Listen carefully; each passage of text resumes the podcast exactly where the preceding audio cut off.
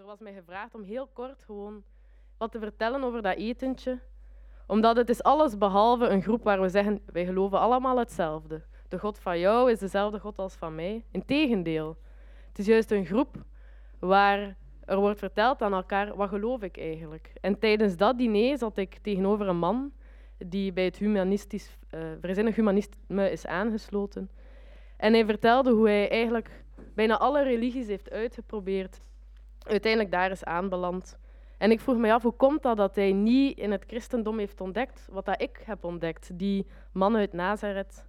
En ik kon met hem in gesprek gaan, want hij vroeg aan mij, ah ja, ben jij opgegroeid in de evangelische kerk en wat geloof je dan en zo.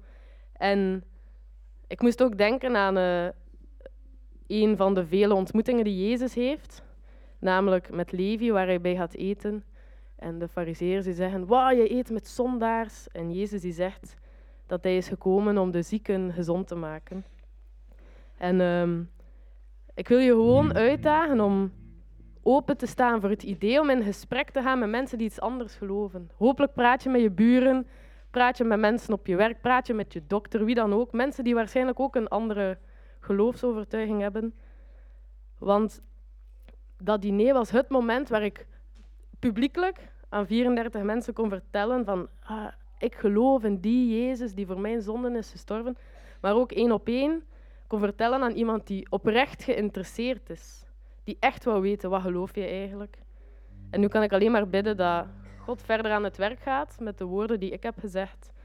Die eh, Peter van de protestantse kerk heeft gezegd tegen die man. Ehm, dus ik wil u echt uitdagen om durf de mensen rondom u die iets anders geloven, durf te vertellen wat jij gelooft. En niet over onze religie, dus de tradities, maar echt over de kern van ons geloof. Dat Jezus de Zoon van God is, dat hij naar de aarde is gekomen en aan het kruis is gestorven en is opgestaan en zo onze relatie met de Vader heeft hersteld. Want dat is uiteindelijk de kern en de reden dat wij hier ook allemaal samen zijn deze ochtend. Om Hem ook groot te maken en de eer te geven die Hij verdient. En we gaan dat deze ochtend beginnen met drie liederen. Dan gaan we het kindermoment hebben en zingen we nog drie liederen. We gaan het, Stefan gaat ons voorgaan in de preek. We hebben ook avondmaal. En we sluiten dan af met nog eens twee liederen. Laat ons uh, beginnen met God te aanbidden.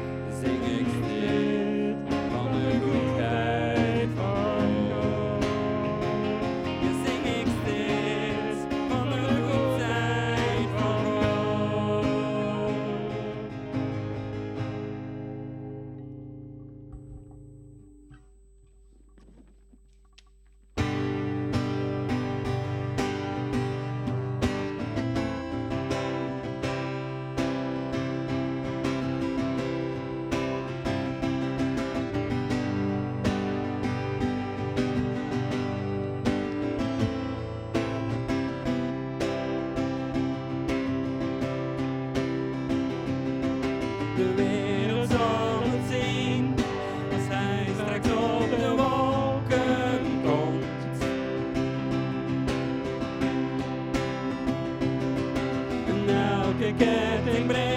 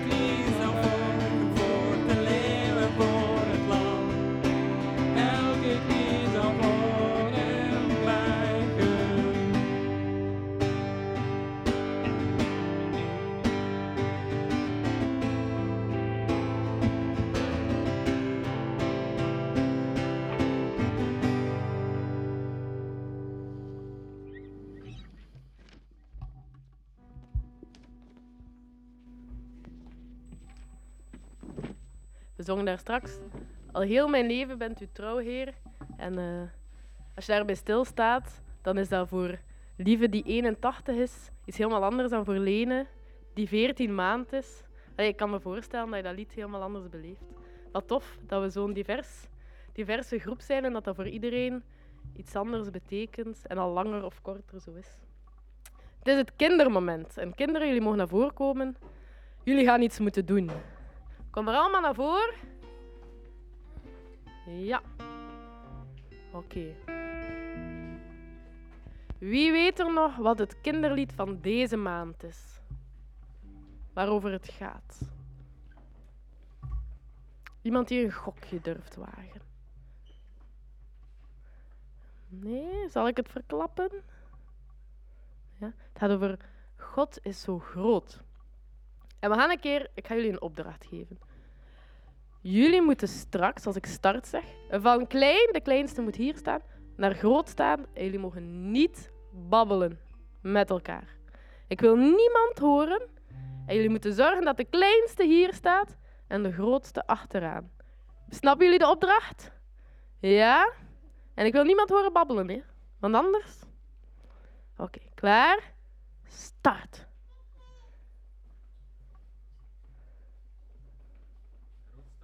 Ja, de kleinste vooraan. Goed kijken. Ja. Nou, dat gaat hier al goed. Niet babbelen, hè? Geen geluid, hè?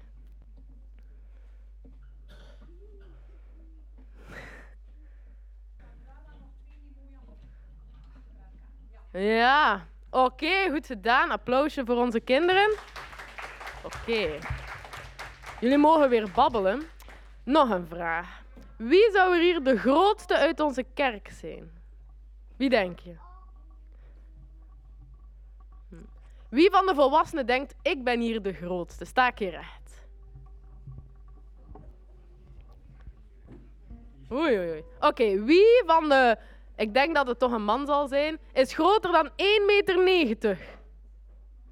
Niemand. Is er iemand die groter is dan 1,80 meter? Ja, sta maar recht. Sta maar recht als je groter bent dan 1,80 meter. Ja. Ah, meneer daar van achter, hoe groot bent u? Ah, 94. Ah ja, ik denk dat we een winnaar hebben. Ja. Oké, jullie mogen terug zitten. Zeg, en wat denken jullie? Zou God nog groter zijn dan die meneer? Ja. Ja, hoe groot dan? Oneindig groot. Ja. In ons lied zingen we groter dan groot. Hoe groot dat dan is, dat gaan we pas weten als we bij God zijn. Hè. We gaan ons kinderlied zingen. En het is met gebaren.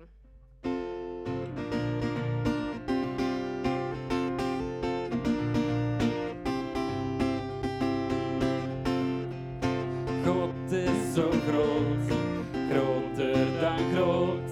Hij is de grootste, allergrootste, aller, allergrootste God. God is zo groot, groter dan groot. Hij is de grootste, allergrootste, aller, allergrootste God. Niemand kan beseffen hoe God denkt. Hij is de schepper die het leven schenkt.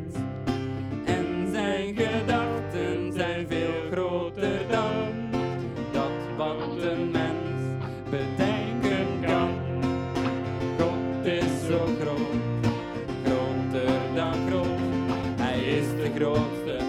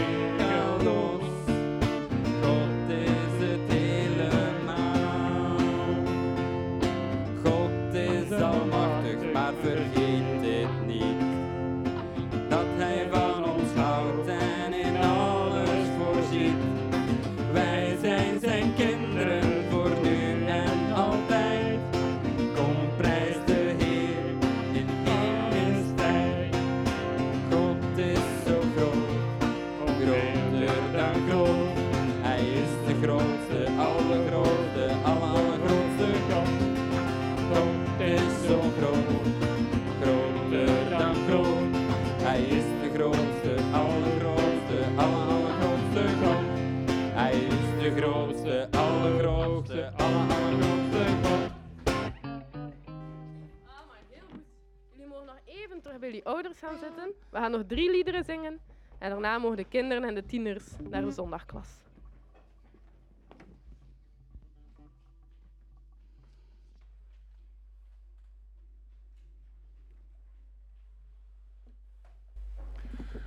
Goedemorgen. Ik stel voor om uh, eerst te openen in gebed. Hemelse Vader, dank u wel dat we uh, deze morgen opnieuw mogen samenkomen in alle openheid en in alle vrijheid, Heer. En dat wij vrij- vrijmoedig voor uw troon komen te staan. Dank u wel om wat u voor ons hebt gedaan, Heer. Dank u wel dat wij, dat wij u mogen vertrouwen tot in de eeuwigheid, Heer. Ik wil u zegen vragen over dit woord. Vul deze ruimte met uw geest, Heer. En laat mij spreken met de kracht van uw geest. Het vraag ik u Jezus' naam. Amen.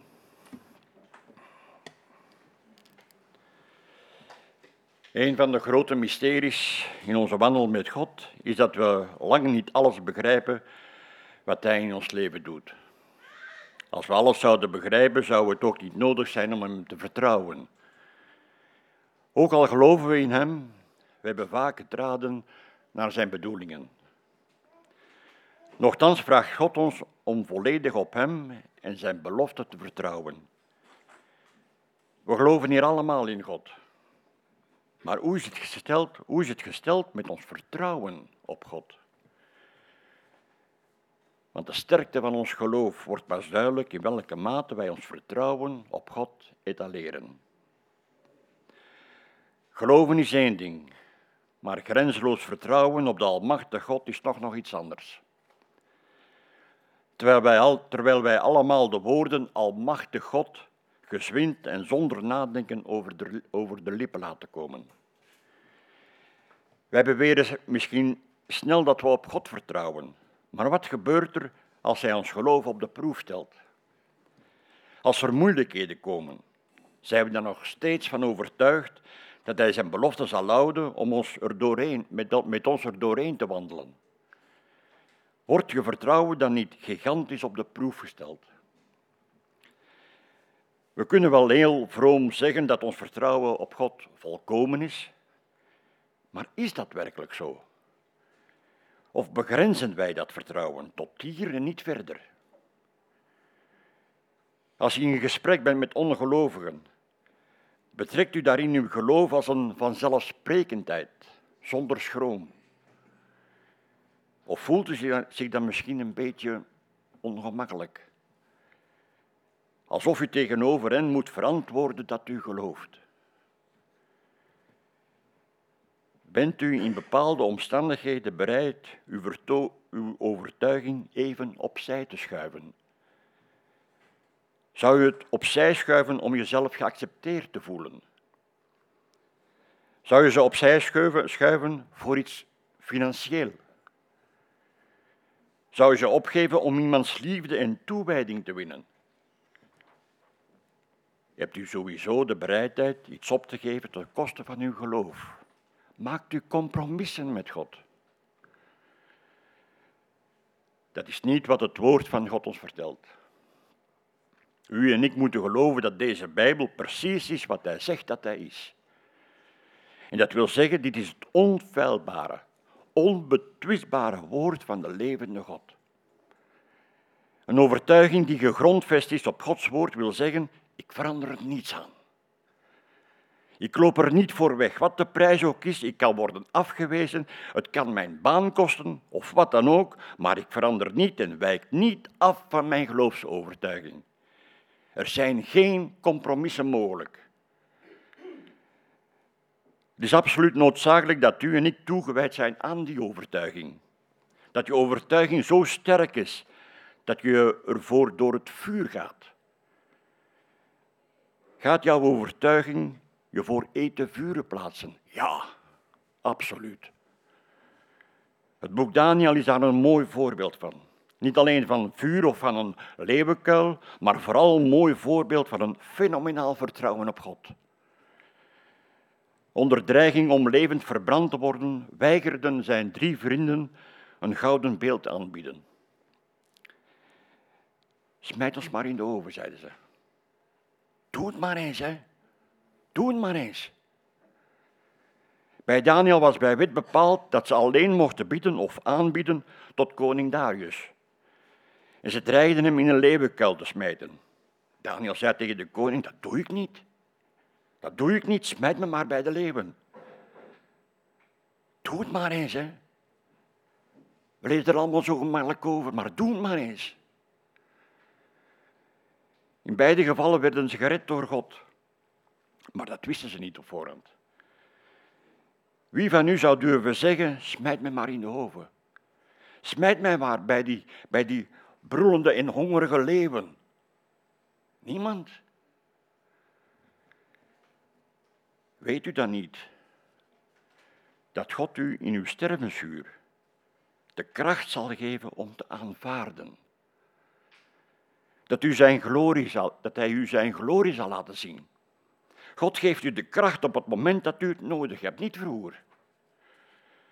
En dat kunnen we opmaken uit de getuigenis van de eerste martelaar, Stefanus. Vlak voor hij werd aangevallen, lezen we in Handelingen. Maar hij, Stefanus, vol van de Heilige Geest, sloeg de ogen ten hemel en zag de heerlijkheid Gods en Jezus, staande ter rechterhand Gods. En hij zeide, zie, ik zie de hemelen geopend en de Zoon des Mensen staande ter rechterhand Gods. Maar zij, de menigte, maar zij begonnen luidskeel te schreeuwen, stopten hun oren toe en stormden als een man op hem los. En hij werd gestenigd. Stefanus was vol van de Heilige Geest en ook hij had een onwrikbaar vertrouwen op God. En toch zien we hier dat God geen redding biedt aan Stefanus. Kijk, dit is ook zoiets waarbij vragen naar boven komen. Waarom worden Daniel en zijn drie vrienden, drie vrienden gered en Stefanus niet? Waarom de ene wel en de andere niet? Maar mogen wij die vraag wel stellen? Stel dat ik ongeneeslijk ziek ben. De dokters hebben geen hoop meer dat het nog goed komt. Het gaat hier over leven en dood. Vanuit mijn geloof heb ik maar twee opties. Ofwel geneest God mij, ofwel geneest hij mij niet. Maar dat is een zienswijze die niet gebaseerd is op vertrouwen. Een betere zienswijze zou zijn, ofwel geneest hij mij, ofwel neemt hij mij mee naar huis. Welke kant het ook uitgaat, het komt goed. Dat is vanuit een heel andere hoek bekeken. Dat is een zienswijze die mij opbouwt en stimuleert en bemoedigt. Paulus zou zeggen dat het tweede, het meenemen naar huis, verreweg het beste is. Maar het eerste zou misschien nuttiger voor u kunnen zijn. God wil dat je volkomen op Hem vertrouwt, zonder een maar, zonder compromissen. Dat je gelooft dat Hij je vader is en dat je daarom, dat je, daarom je vertrouwen volkomen op Hem mag stellen. Want hij, alleen, hij heeft alleen maar het beste met u voor. Geloof versus vertrouwen.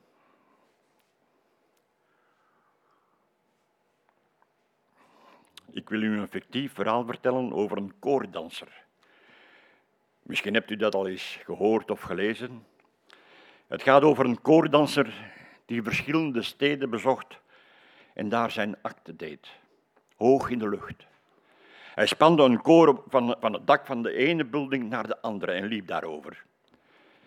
En op een dag riep hij de mensen van op het dak toe, tot drie keer toe, of ze echt geloofden dat hij aan de overkant kon geraken.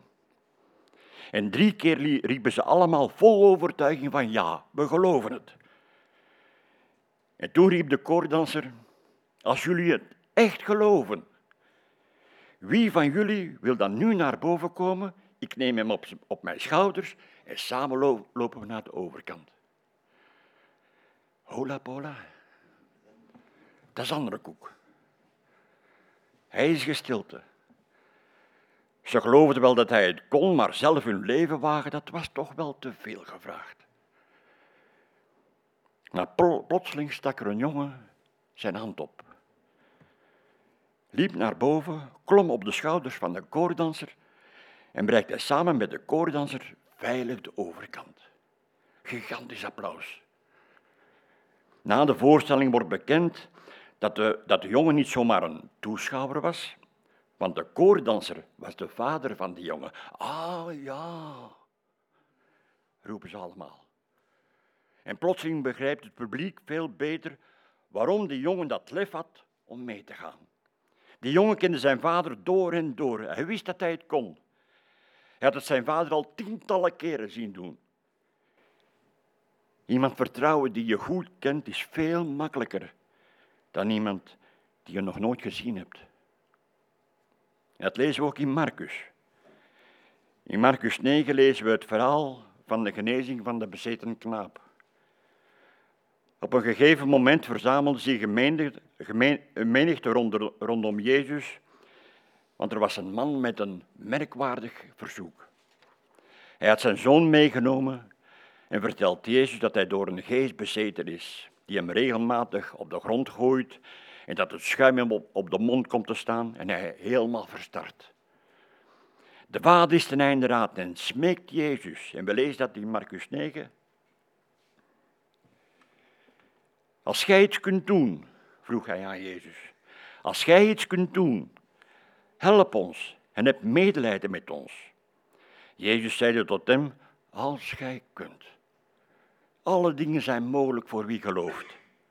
En terstond riep de vader van de knaap uit en zeide, ik geloof, kom mijn ongeloof te hulp. Wat opvallend is, is de reactie van die vader. Wanneer hij zegt, ik geloof, kom mijn ongeloof te hulp. Hoe kan je dat nu zeggen? Hoe kan je nu tegelijkertijd geloven en ongeloven, niet geloven? Maar als je erover nadenkt, gaat het hier niet over geloof en ongeloof, maar over geloof en het gemis aan vertrouwen. Ik geloof, kom mijn gebrek aan vertrouwen te hulp. Ik zeg dat ook wel eens in gebed. Heer, kom mijn ongeloof te hulp. Maar dan bedoel ik eigenlijk, kom mijn gebrek aan vertrouwen te hulp.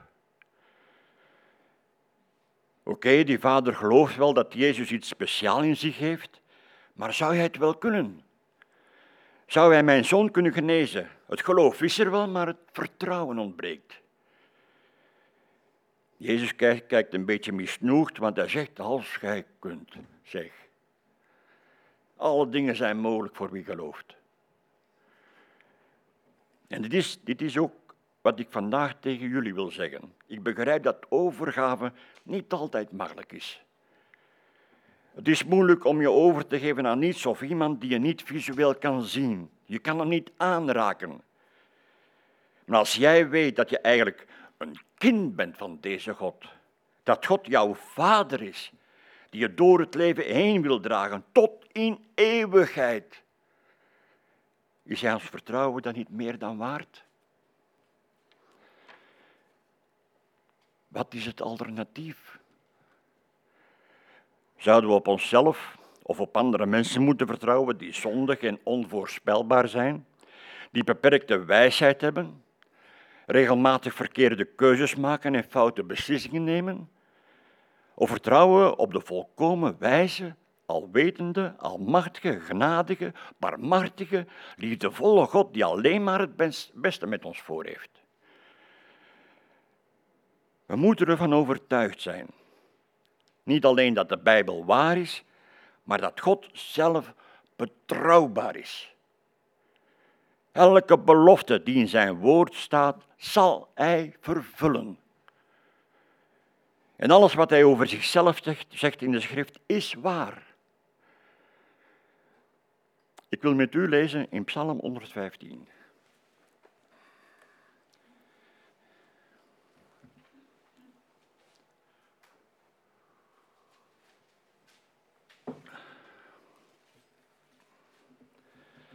Psalm 115.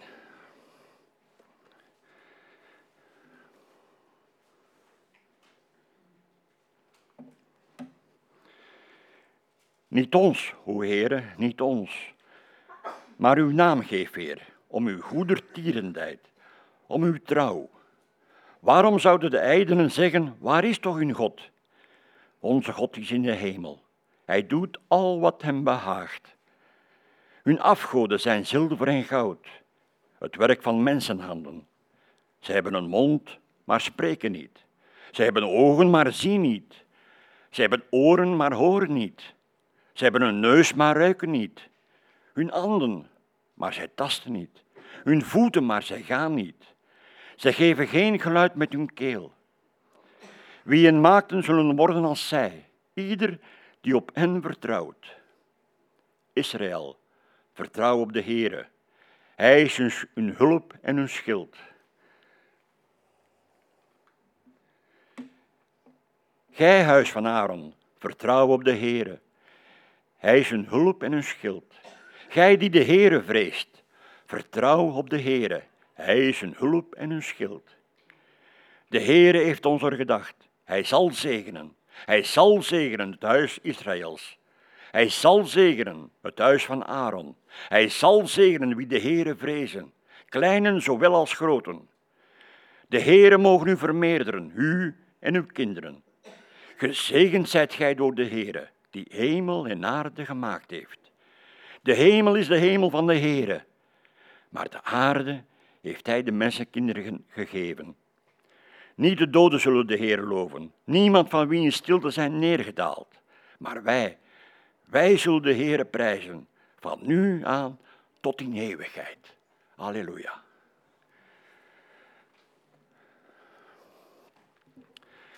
Degene die een Bijbel hanteren, laat hem maar even open liggen, want ik ga alle versen aflopen.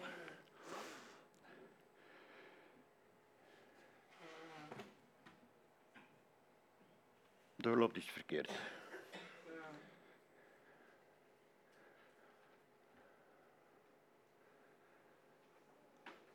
Ja, oké. Als wij worden aangevallen op ons geloof, wat eigenlijk een aanval is op ons vertrouwen op God, dan mogen we dat niet persoonlijk opvatten. Vers 1 van de psalm laat zien dat de Israëlieten dat ook niet doen. Niet zij worden bespot door dit soort vragen, maar God wordt hier belachelijk gemaakt en als zwak en machteloos afgeschilderd. Vers 1 zegt, niet ons, o Heer, niet ons, maar geef uw naam, Heer, om uw goede tierenheid, uw trouw. De eer van een God staat hier op het spel, niet die van de Israëlieten, niet die van ons. En zo moeten ook wij niet reageren als moeite of ziekte ons treft en ongelovigen tegen ons zeggen, waar is nu uw God? Hij laat je mooi in de steek. Dat raakt ons niet, maar dat raakt God. Het doet ons ook pijn natuurlijk. Want het gaat over onze almachtige God. En het moeilijkste is misschien nog wel dat je diep in je hart misschien dezelfde vraag hebt. Ja, waar is onze God nu? Je voelt dat je eigen twijfel vlak onder de oppervlakte zit en daar zomaar doorheen kan breken. En bij de Israëlieten proef je ook iets van hun twijfel in vers 2. Waarom zouden de heidenen zeggen, waar is toch hun God? De vraag van ongelovigen kun je ook vandaag als potten toegesmeten krijgen. Waar is uw God? Mensen toch, waar dat jij allemaal in gelooft. Word, nou, word een keer wakker. God bestaat niet. Wat is het antwoord van de Israëlieten op die spot? Je hoort het zeggen in vers 3. Onze God is in de hemel. Hij doet al wat hem behaagt. Ik weet niet hoe dit bij u overkomt, maar bij mij roept dit niet direct gevoelens van vertrouwen op. God is in de hemel. Alsof God ergens ver weg van mij is in zijn ivoren toren en de dingen regelt zonder met mij rekening te houden. Maar de realiteit is dat hij onze belofte heeft gegeven van zijn voortdurende aanwezigheid. God doet al wat hem behaagt. Dat klinkt ook zo grillig. Er lijkt wel een dictatoriale ondertoon aan vast, aan vast te kleven. En deze zin lijkt ook niet echt bevorderlijk voor ons vertrouwen op God. Maar als je hier verder over nadenkt, dan kan je, het ook anders, dan kan je ook anders naar deze, deze zin luisteren. God doet al wat hem behaagt. Met andere woorden, God doet wat hem blijdschap schenkt, waar hij vreugde in vindt, wat hem behaagt. En wat is er nu volgens u iets waar, waar God enorm veel vreugde in vindt? Is dat niet in het redden van mensen voor de eeuwigheid? Dat is zijn doel. De mens en de wereld redden en herstellen naar hoe hij het oorspronkelijk bedoeld had. En dat geeft een heel andere insteek aan deze zin. In verse 4 tot en met 8 zien we wie niet op Gods zorg in zijn of haar leven vertrouwt, die zoekt hun vertrouwen in iets anders. En op de dag van vandaag wordt er meestal vertrouwd op zichzelf. op hun eigen voorzorgsmaatregelen, hun eigen inzet, hun eigen gezond verstand, hun eigen slimheid, hun eigen geslepenheid om de dingen naar hun hand te zetten. En uiteraard het vertrouwen op, op geld. Als ik maar genoeg spaar, dan kom ik nooit geld tekort. Maar wanneer ben je nog verantwoord financiële reserves aan, reserves aan het opbouwen en wanneer wordt dat geld iets waar je op vertrouwt? Mensen vertrouwen altijd ergens op. Zoeken altijd, altijd ergens hun zekerheid. En het worden dan hun, hun afgoden. Niettemin, alles wat niet God is, kan niets voor ons doen. Een tijd, een tijd lang gaat het misschien nog wel. Met geld kun je een hoop doen. Kun je veel regelen. Kun je grote problemen oplossen. En ook de medische wetenschap kan een hoop voor je doen en ze kunnen je soms genezen. Maar er is een grens aan wat artsen kunnen. Er is een grens aan wat je met geld kunt doen. Beide redden uiteindelijk niet je leven. Misschien voor een tijd, maar niet voor altijd. Vers 8 trekt een messcherpe conclusie. Zo dood als de afgoden zijn, zo dood gaat ieder zijn die op hen vertrouwt. Deze psalm veegt de vloer aan met afgoden. Ze zijn in het leven geroepen door mensen, ze zijn gemaakt door mensen. Stel je een afgodsbeeld voor en kijk eens naar zijn mond. Die praat niet. Zijn ogen zien niets. Zijn oren horen niets. Hij laat zelfs geen geniepig windje. Niets. Het kan helemaal niets. Wie, zich, wie niet op God vertrouwt, staat met lege handen. Er is geen alternatief. God is de enige die bij macht is te doen wat hij belooft. En van zijn belofte weet je dat je op hem mag rekenen. Hij is absoluut trouw. Geen mens kan je beloven dat ze altijd bij jou zullen zijn, God wel. Hij geeft ons zijn belofte. Hij is trouw om die belofte na te komen. Denk eens, denk eens na over zijn belofte. Je hebt de belofte van vergeving van al wat je verkeerd hebt gedaan. De belofte dat Hij ons zal geven al wat we nodig hebben. De belofte van zijn bescherming, de belofte van dat onze gebeden beantwoord worden. We hebben de beloften van zijn voortdurende aanwezigheid. We hebben belofte na belofte na belofte. En onze God is een trouwgod. Hij doet wat hij belooft. Hij houdt zich aan zijn beloften. Gegarandeerd. Zwart op wit. En daarom worden in vers 9 tot en met 11 Gods kinderen opgeroepen om op God te vertrouwen. Israël, vertrouw op de Heere. Huis van Aaron, vertrouw op de Heere. Gij die de Heere vreest, vertrouw op de Heere. En waarom moeten Gods kinderen op de Heere vertrouwen? En driemaal staat er hetzelfde antwoord. Hij is hun hulp en hun schild, zegt de psalm.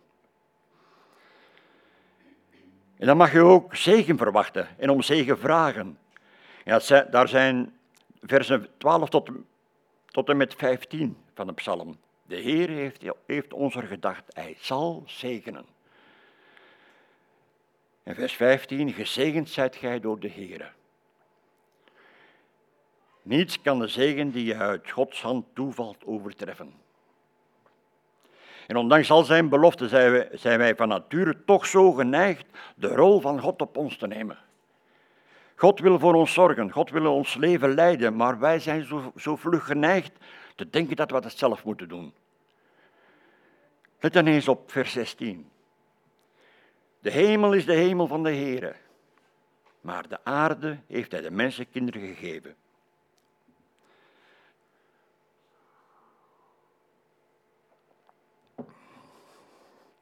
Dat klinkt een beetje raadselachtig. Wat wordt hier bedoeld? Eigenlijk is het iets heel moois als je het doorhebt. Wat de psalm je in vers 16 duidelijk maakt, wil duidelijk maken is dit. Herken de rolverdeling tussen God en mens. Elk heeft zijn eigen rol. God woont in de hemel en hij leidt jouw leven. En daar moet jij niet mee bezighouden. Dat, dat, dat, is, dat is Gods rol. Die rol past ons niet. Niet voor niets zegt Jezus in Johannes 15, maar zonder mij kunt gij niets doen. Als we door geloof in Hem blijven, kunnen we alles aan. Maar zonder Hem kunnen we niets doen wat van blijvende waarde is.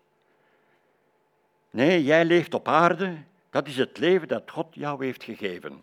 En jouw rol, onze rol, zien we in vers 17, 18. Wij leven hier op aarde om God te loven en te prijzen. En dat, weten, dat wetende zou er eigenlijk nu een zware last van onze schouders moeten vallen. Voel je niet hoe, ja, bevrijdend dit, dat dit is? Elke dag geeft genoeg aan zichzelf.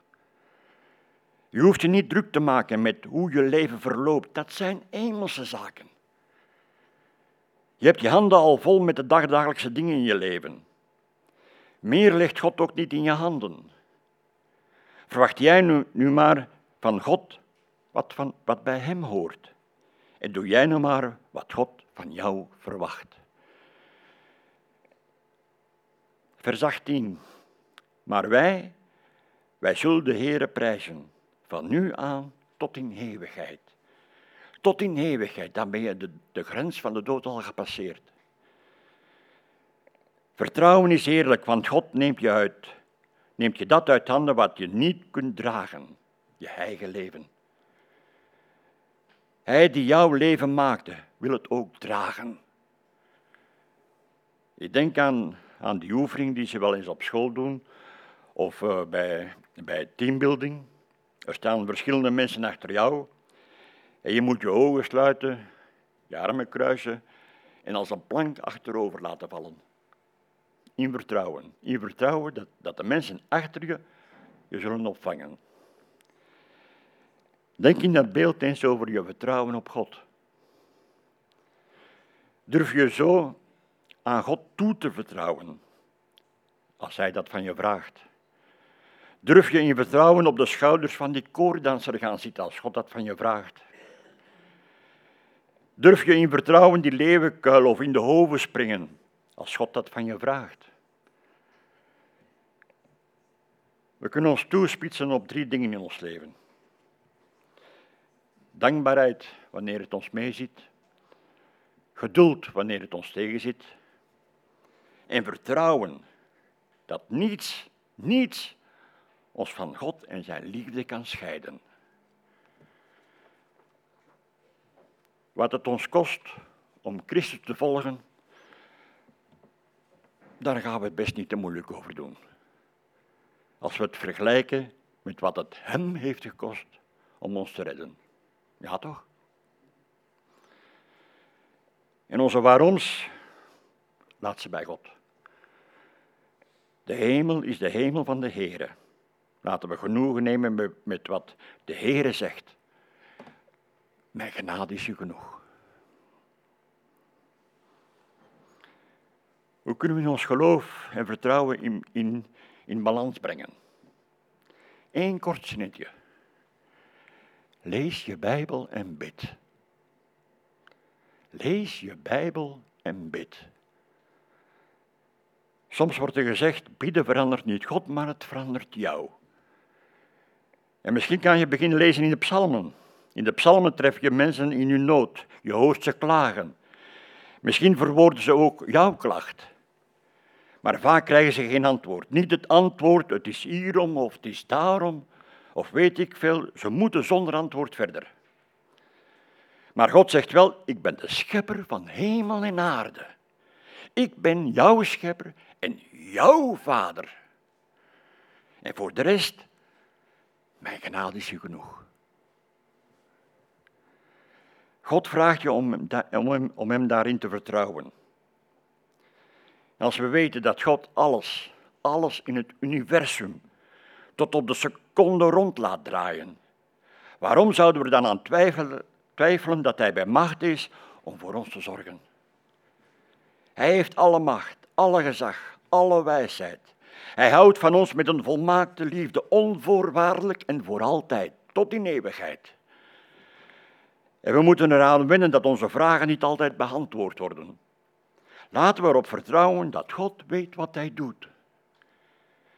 Zonder vertrouwen is het, namelijk, is het namelijk onmogelijk om van het heden te genieten en vol verwachting uit te, eh, uit te kijken naar de dag van morgen. In Spreuken 3 lezen we. Vertrouw op de Heere met uw ganse hart en steun op uw eigen inzicht niet. Ken hem in al, in al uw wegen, dan zal hij uw paden recht maken. Leven door geloof, met vertrouwen, is alles bekijken op een positieve manier. Vertrouwend op de kracht van God, omdat Hij u lief heeft en het beste met u voor heeft. Amen.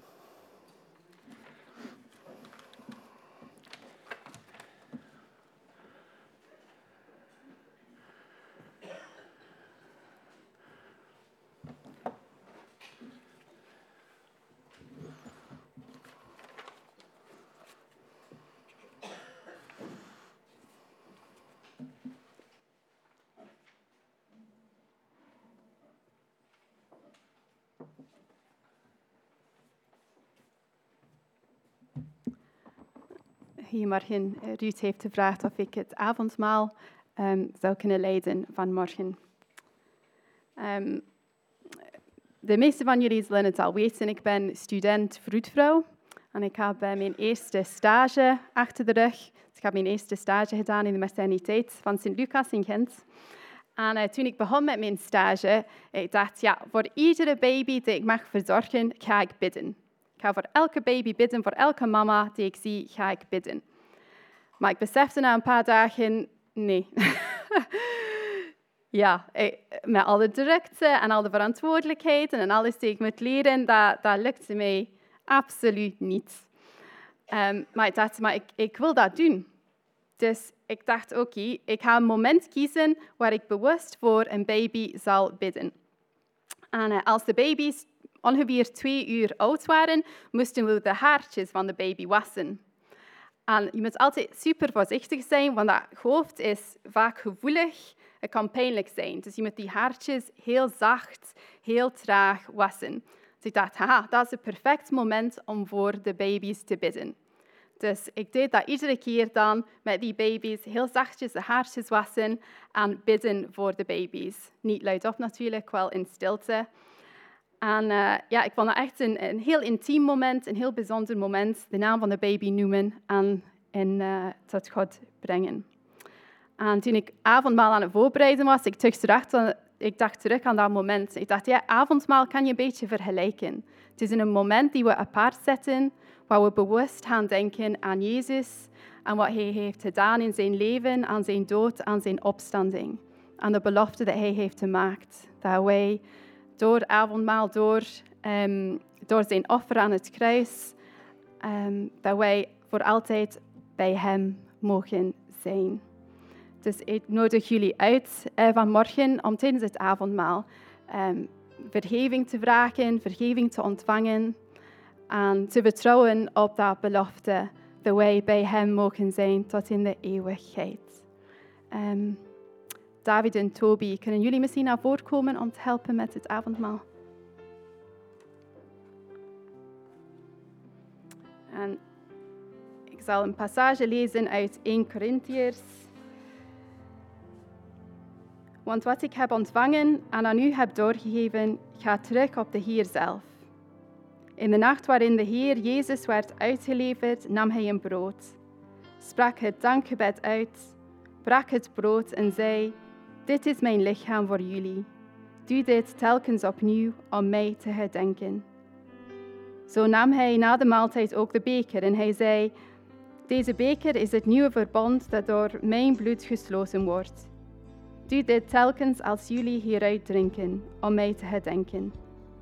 Dus altijd wanneer u dit brood eet en uit de beker drinkt, verkondigt u de dood van de Heer totdat Hij komt.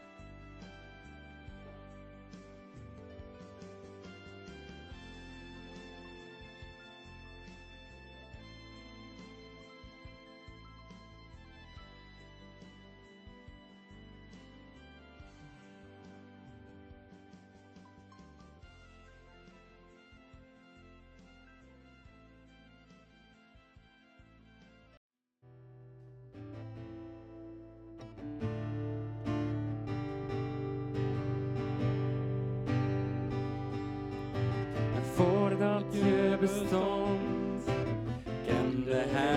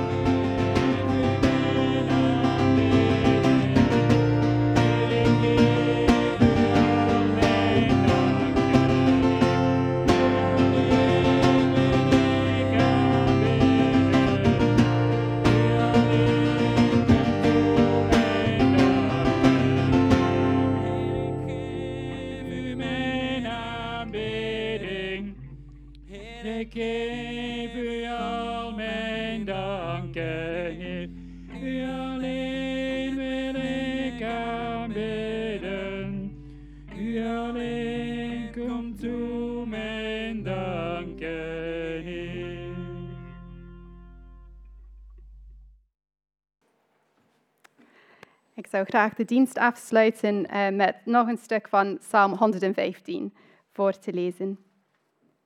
De Heer gedenkt en zegent ons.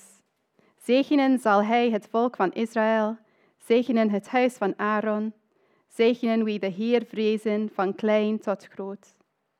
Mogen de Heer u talrijk maken, u en uw kinderen. Mogen de Heer u zegenen, Hij die hemel en aarde gemaakt heeft. De hemel is de hemel van de Heer, de aarde heeft Hij aan de mensen gegeven. Niet de doden loven de Heer, niet wie zijn afgedaald in de stilte. Wij zijn het, wij zegenen de Heer van nu tot in eeuwigheid. Alleluia. Nog een fijne zondag.